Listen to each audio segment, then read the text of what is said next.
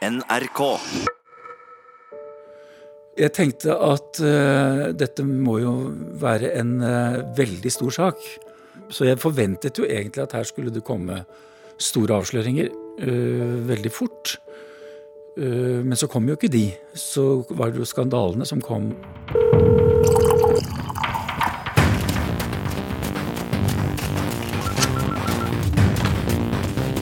Du hører på Spionen Treholt. Jeg heter Line Alsaker. Del fire Avhørene. Tenk deg at du blir arrestert, og noen sier til deg at de vet nesten alt om hva du har gjort de siste sju årene. Ville du da ha forsøkt å svare på spørsmålene så godt du kan? Eller si at du ikke husker alt? Eller tror du at du ville legge til historier som kan sette deg i et dårlig lys? Arne Treholt sitter arrestert, og kommer til å fortelle den ene mer utrolige historien etter den andre. Men hva av det han sier kan vi stole på? For han er jo spion, eller?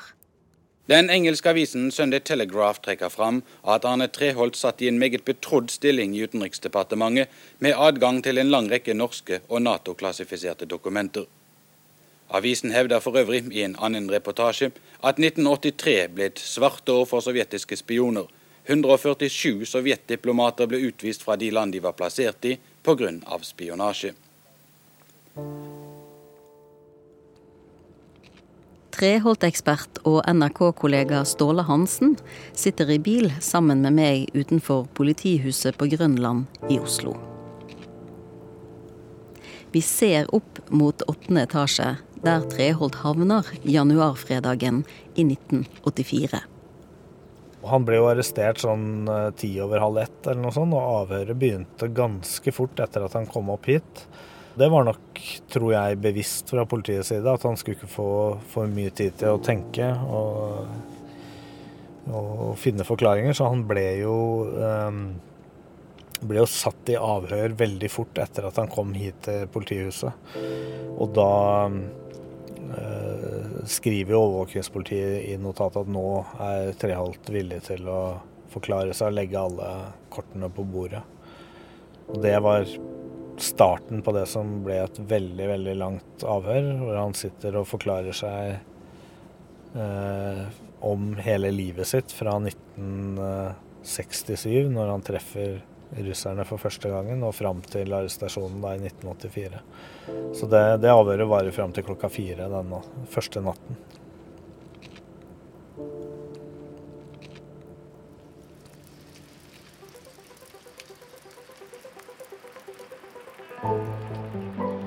Unge venstrepolitiker og dobbeltagent Knut Ringstad ligger rett ut i sengen med influensa da han får høre at Arne Treholt er arrestert på Fornebu.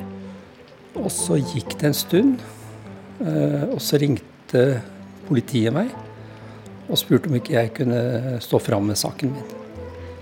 Knut Ringstad kommer feberhet på Dagsrevyen og forteller om samarbeidet med overvåkingspolitiet, og om hvordan han lurte russerne og KGB. Russerne trodde tydeligvis hele tiden at jeg da samlet inn den informasjonen som de ønsket jeg skulle gjøre, på egen hånd. Og ante tydeligvis ikke at jeg da eh, kjørte et dobbeltspill. Du sa at det var penger med på dette her. Ja, det ble egentlig ikke så veldig mye penger ut av det. Jeg tjente vel alltid i alt en 1300 eh, kroner. Men det skal jo da på den positive side tillegges at uh, jeg fikk jo da en del ytelser i naturalia under hele denne perioden. Hva slags? Ja, Det vil jo si i form av eh, billig brennevin, eller gratis brennevin og vodka. Men var det antydet fra russerne på noe tidspunkt at dersom du samarbeidet og skaffet verdifulle opplysninger, gikk i fast tjeneste med dem, var det da antydet flere penger? Ja, Det var ingen tvil om fra russernes side at dette var bare begynnelsen på en stor karriere på alle mulige måter. Som russisk spion i Som Norge? Som russisk spion i Norge. Og så gikk jeg hjem og la meg igjen, og så ringte telefonen igjen, og så var det politiet som sa at nå var det ringt inn drapstrussel på meg. Så, men det gikk en stund, så kom det da konstabler inn i leiligheten. Så da var jeg under beskyttelse. Og hvor lenge de var i området og når de slutta min overvåkning, det vet jeg ikke.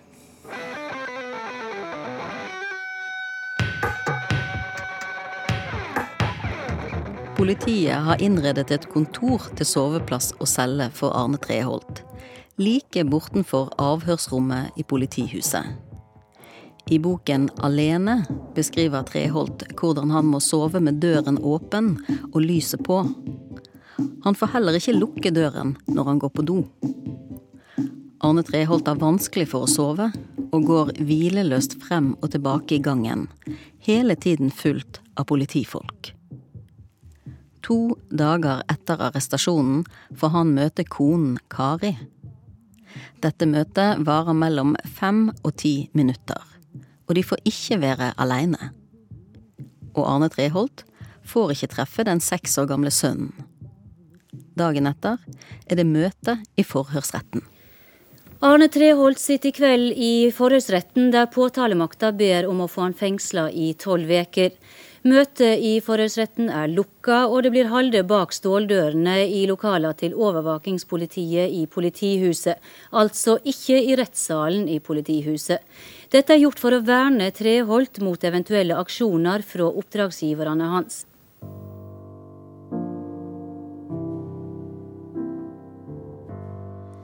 En som foreløpig skal følge Treholt-saken som tilskuer, er musiker og forfatter Ketil Bjørnstad. Han blir opprørt av det han hører og ser i media.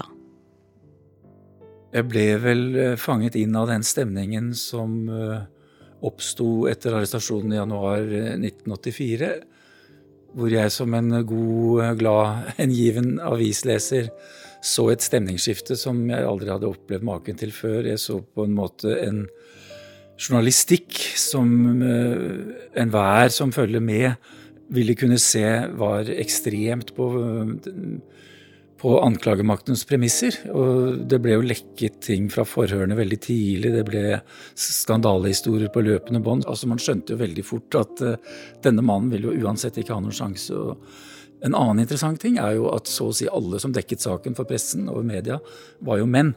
Så det er på en måte gutteklubben John Le Carré og den store spionromanen som endelig kommer til Norge. Seks dager etter arrestasjonen får Arne Treholt møte faren Torstein.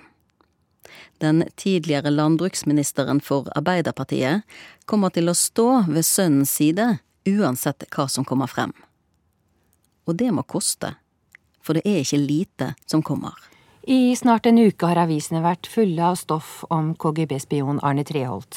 Vi har lest overskrifter som Sovjet visste alt, Treholt i livsfare og halve Arbeiderpartiet telefonavlyttet. Verken Dagbladet eller VG har oversikt over avissalget ennå.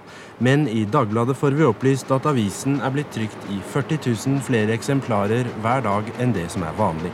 Enkelte dager har Verdens Gang trykt opptil 55 000 flere aviser enn normalt.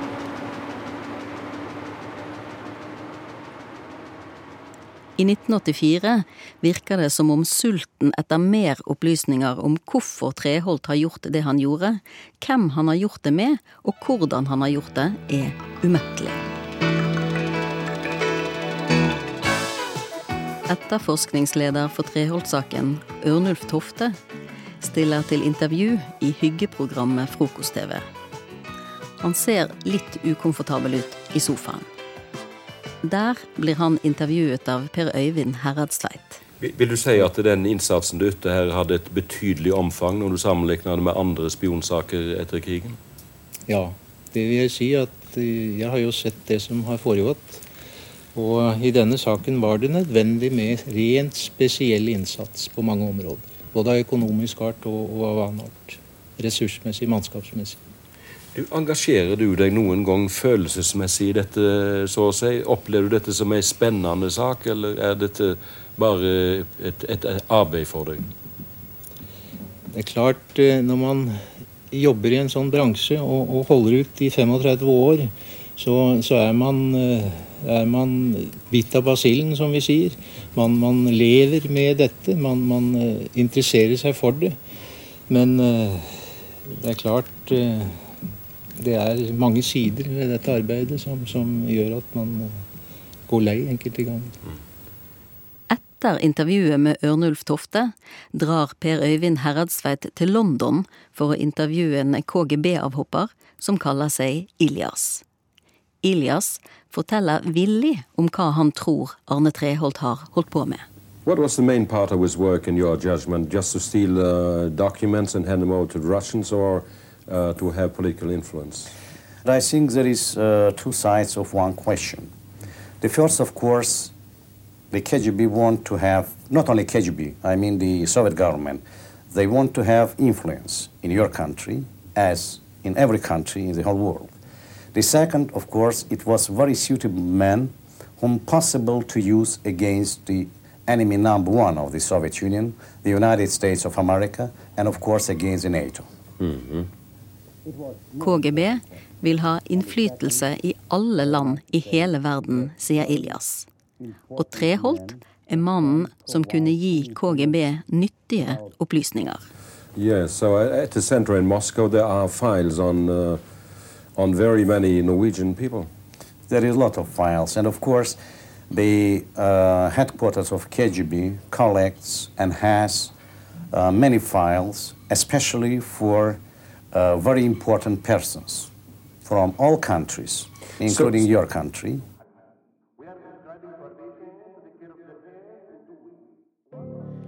Under spaning i Aten i Hellas året før arrestasjonen har overvåkingspolitiet observert en ny mann sammen med Treholt.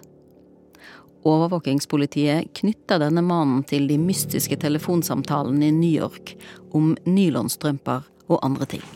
Det var en ukjent mann for oss. Denne mannen er ikke sovjetrusser, forteller en av spanerne under rettssaken. Uh, han var da etter våre anslag ca. 40-50 år. Litt korpulent og hadde briller med sølvstenger. Og pent antrukket i lys grå dressjakke og mørke benklær. Den ukjente dukker opp på flyplassen i Aten dagen etter. Der blir han plukket opp av en bil som viser seg å tilhøre den irakiske ambassaden. Arne Treholt har også spionert for Irak, i tillegg til spionasjen for Sovjetunionen. Arne Treholt har innrømmet dette i avhør den siste tiden. Mannen som snakker engelsk med arabisk aksent, heter Radi Mohammed. Radi Mohammed er irakisk etterretningsoffiser. Og Treholt tilstår å ha mottatt 40 000 dollar for å ha gitt Mohammed informasjon. De store summene det er tale om, er det klart at mottakeren av disse tjenestene må ha sett på Arne Treholt som en viktig og værfull spion. Et spørsmål reiser seg nå. Visste Sovjetunionen om at Arne Treholt gjorde spionasjetjeneste for Irak? Visste det store landet om det vesle? Svaret på dette spørsmålet er det bare Arne Treholt og KGB som kan gi.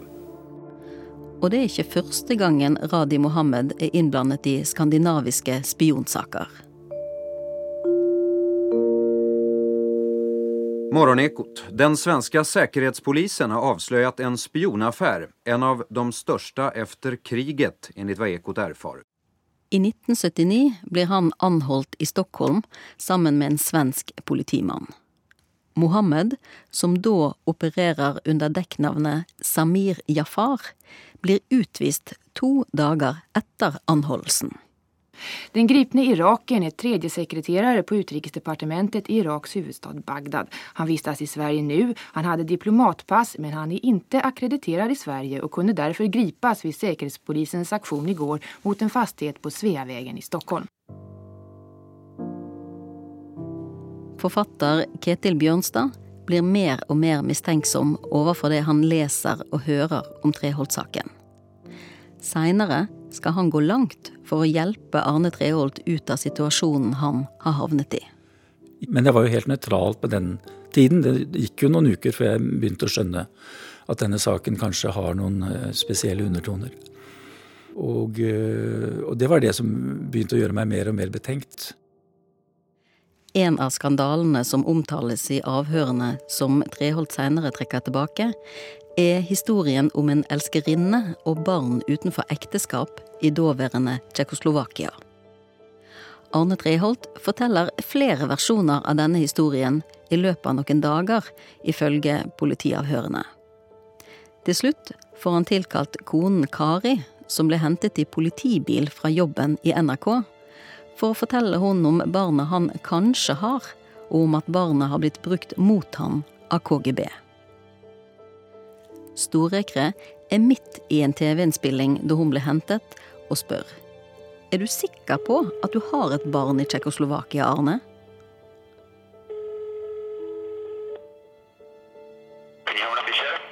Dobrý den, uh, Britt Jensen u telefonu. Jeg pracuju uh, pro norski rozhlas. Uansett hva som er historien bak, ville det være litt interessant å finne Susanna i dag. Hvordan reagerte hun på å bli dratt inn i en spionsak? Og ble Susanna kontaktet av KGB på noe tidspunkt?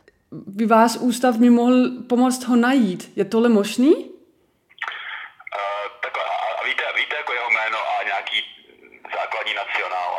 Den danske journalisten Brit Jensen, som bor i Praha, forsøker å spore henne opp for NRK. Indgangsdør i glass med noen trammer for.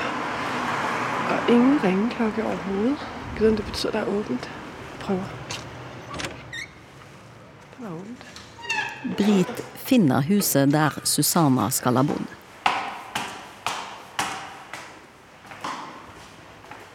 Der henger hun opp en lapp om at NRK vil ha kontakt.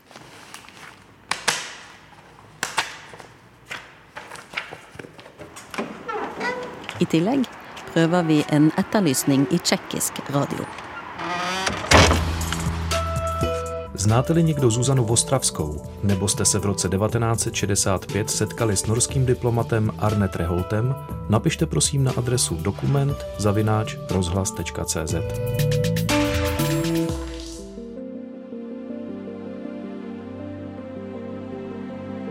I 1984 blir etter hvert etterforskningsleder Ørnulf Tofte nokså overbevist om at Treholt trolig ikke har noe barn i Tsjekkoslovakia. Men da opplysningene lekker ut, bestemmer VG-journalist Sverre Bjørnholt seg for å se nærmere på saken. Og litt sånn etter mye fram og tilbake så klarte jeg å, å få tak i et navn og en eh, adresse i Praha. Så jeg og fotograf Hans Olav Forsang dro av gårde til Praha. Den gang var jo kalde krigen, så vi måtte ha litt sånn dekkoppdrag, for å si det sånn. Så vi var egentlig utgangspunkt på en, å lage en reisereportasje. Sverre Bjørnholt og fotografen kommer til adressen de har fått oppgitt. Der møter de en mann som forteller at Susanna flyttet for fem år siden. Det føles som en bomtur, helt til Bjørnholt bestemmer seg for å oppsøke folkeregisteret i Praha. Via en nordmann med tsjekkiskkunnskaper får han skrevet en lapp med det han lurer på, og ved hjelp av denne lappen får de til slutt en ny adresse de kan dra til.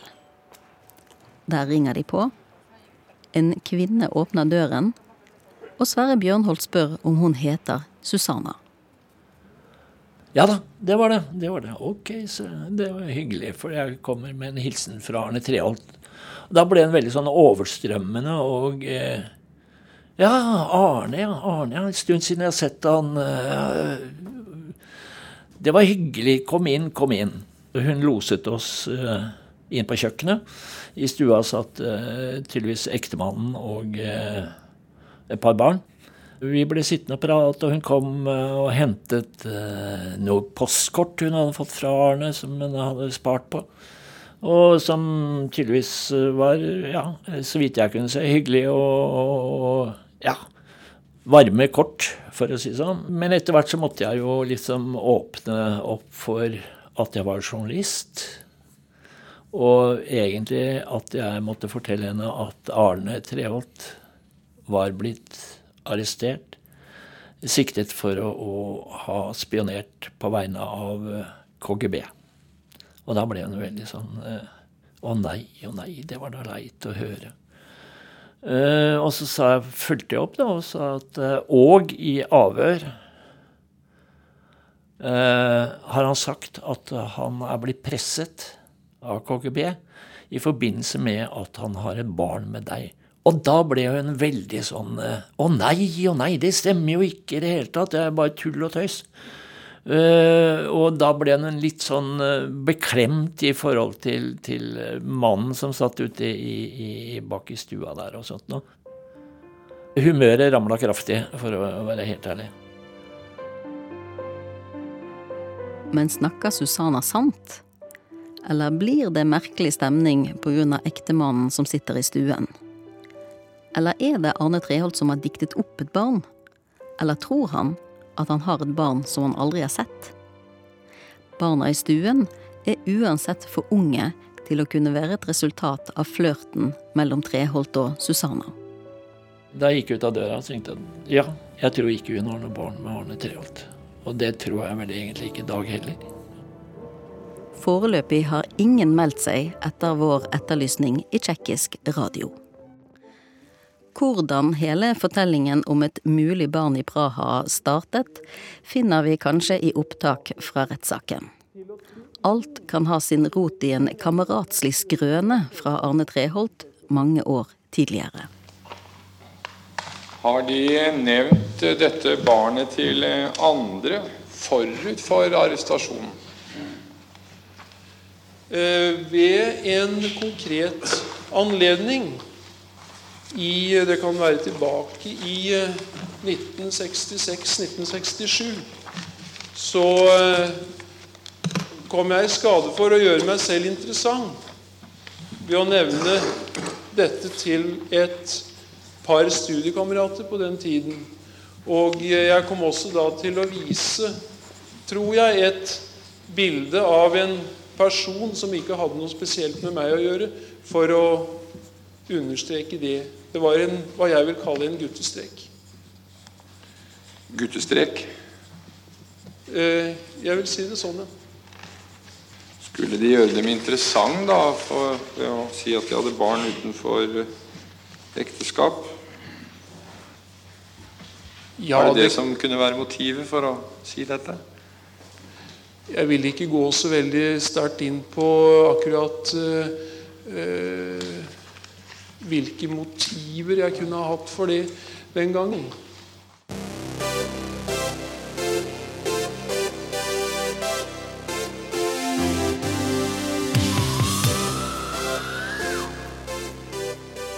Effektiviteten i Utenriksdepartementet er forbløffende. For bare tre måneder etter arrestasjonen får Arne Treholt sparken som byråsjef. Sjøl om det er lenge til rettssaken starter, og ikke minst dom faller i saken.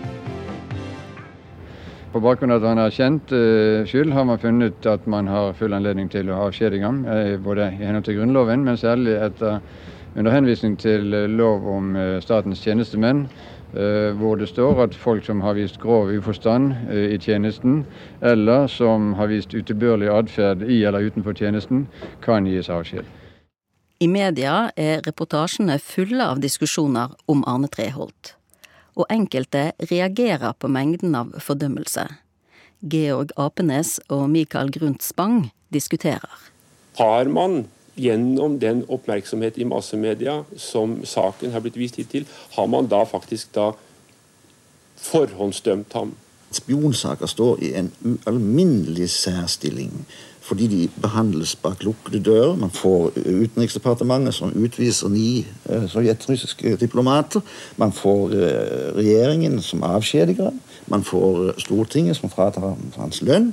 Eh, jeg kan ikke forstå hvorledes man kunne handlet annerledes i denne saken. Arne Treholts far, Torstein Treholt, rykker ut med et kraftig angrep på regjeringen og Stortinget fordi sønnen blir avskjediget før saken er prøvet for retten. At jeg syns det er hårreisende at skal skje i et rettssamfunn. Særlig uttalelsen om at dette ikke er noen forhåndsdom provoserer Torstein Treholt. Sjøl om det er bedyret at dette ikke er noen forhåndsdom, så har dog regjeringen tatt det skritt å fradømme hans stillinga før det er falt dom, før i det hele tatt rettssaka på langt nær er ferdig. Og Stortinget har fratatt lønna. Og for meg ligger det nær å dra den slutningen at det er overvåkingspolitiet som har mener å ha hatt grunnlag for å kunne gi både regjering og Stortinget det råd de har fått, nemlig fra dem stillinga, ta fra lønna.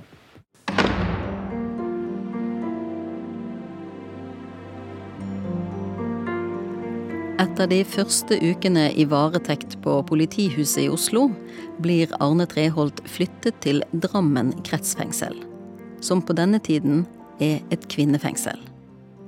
Egil Ulateig venter på å få besøke vennen. Men etter hvert så fikk jeg lov til å besøke ham i buret der. Idrettsmannen Treholt er som han pleier. Han trener like hardt inne i fengselet som han gjorde utenfor. Og så hadde han jo um, klart å fått uh, en politimann til å hente opp ei gammel tredemølle fra kjelleren. kjelleren. Som han fikk installert i den øverste luftegården. Den var så liten at den nesten ikke kunne snu seg der. Men jeg tror han hadde løpt bortimot tre mil rundt og rundt. Hver runde var jo bare noen meter. Det er derfor jeg mener idretten har en sånn fantastisk betydning. Og det mener jeg er det som, som reddet ham. Hva var det som gjorde at akkurat du fikk lov til å besøke ham? Han måtte vel ha bedt om det. Hvor lang tid fikk du være der av gangen? da? Det var vel ikke så lenge. Mener en halvtime, kanskje.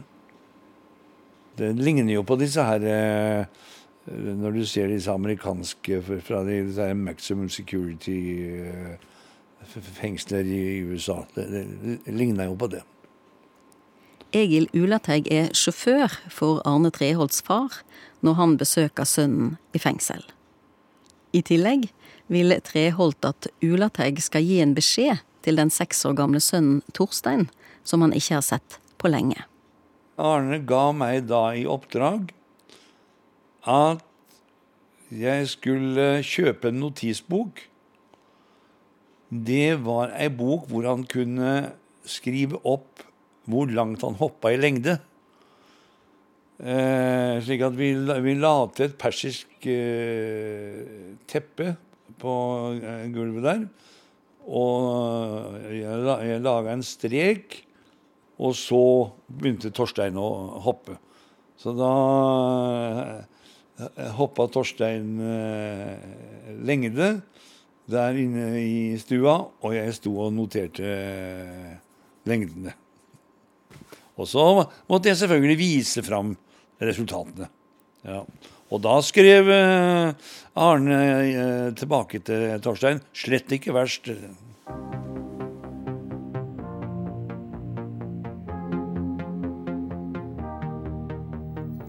Det var Tor Treholt, en eldre bror av den spionsiktede Arne Treholt, som smuglet ut fra fengselet det brevet som Dagbladet offentliggjorde deler av i går.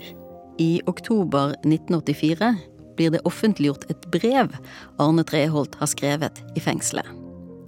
I brevet forteller han om hvordan han mener han har blitt overvåket siden 1977. Det var den 6. august i år at Arne Treholt fikk ta imot sin eldre bror Thor til et møte i Drammen kretsfengsel. Før møtet hadde Arne Treholt skrevet et lengre brev hvor han redegjorde for sitt syn på den situasjonen som han har levd i siden slutten av 70-årene og frem til arrestasjonen den 20. januar i år.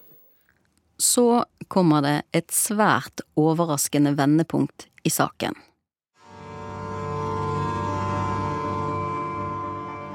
For etter å ha sittet i avhør i over et halvt år, så endrer Arne Treholt store deler av sin forklaring.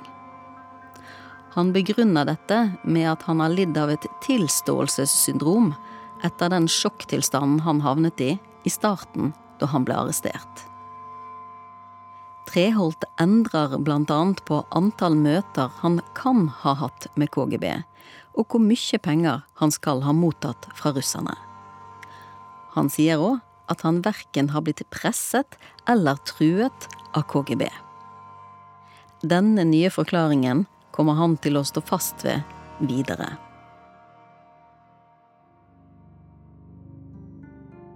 Men tilbake til notatene i almanakkene til Arne Treholt. Hvor mye av det som står der, er egentlig koder for KGB-treff og lyssky avtaler, sånn som politiet sier? Kameraten Egil Ulateig mener noen av notatene har en helt logisk forklaring. Det var initialer, og så var det klokkeslett. Noe av det var treningstider med meg. Møter i det hele tatt. Og, og Arne er jo um, veldig nøye. Men han førte jo treningsdagbok ikke bare over hver dag, men han hadde sånne løyper med mellomstasjoner. Og da noterte han eh, ned tidene eh, på hver mellomstasjon. Og, og, og, det også var det noen som, eh, eh som eh, i PST og andre som tenkte dette her er avanserte koder. Ikke sant? Dette er virkelig, dette er virkelig avansert. Jeg, jeg, forstår ikke at han kunne det, for han, vi løp jo. Og, og, og, og, likevel så kunne han skrive med små, krydrede skrift. 13-25, 14-25, 57 sekunder fortere enn i går, og, og, så videre. Og fikk han ikke notert, da var han, da var han nesten i dårlig humør. Og her var det ikke snakk om omtrentlige tider. Her var det snakk om helt nøyaktige, for det var også om å gjøre om hvor, hvordan gikk eh, formkurven. Opp eller eh, ned. Men det er klart at eh, hvis man er ute etter eh, og leite etter eh, ting som kan være mistenkelige, så er jeg, jeg også, som PST-mann, lurer forferdelig på hva i all verden er dette her eh, for, for noe. Etter 13 måneder i varetekt venter den største prøvelsen av alle for Arne Treholt. Neste episode rettssaken.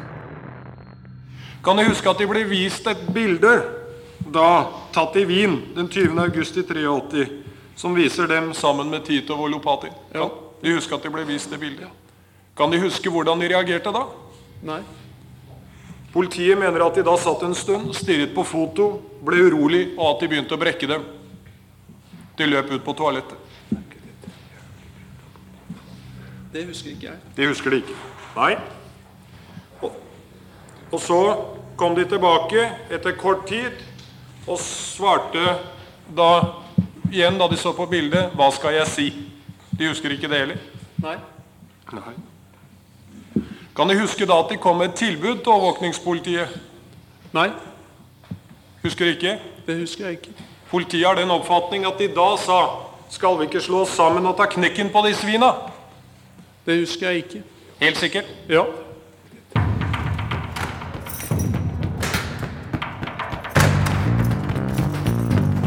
Du har hørt fjerde del av seks av Spionen Treholt.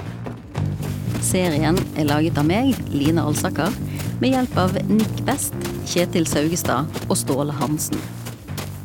Lyddesigner var Kjetil Hansen, og musikken til serien er laget av Sosius Music. Takk til NRKs researchsenter ved Sissel Holsæter.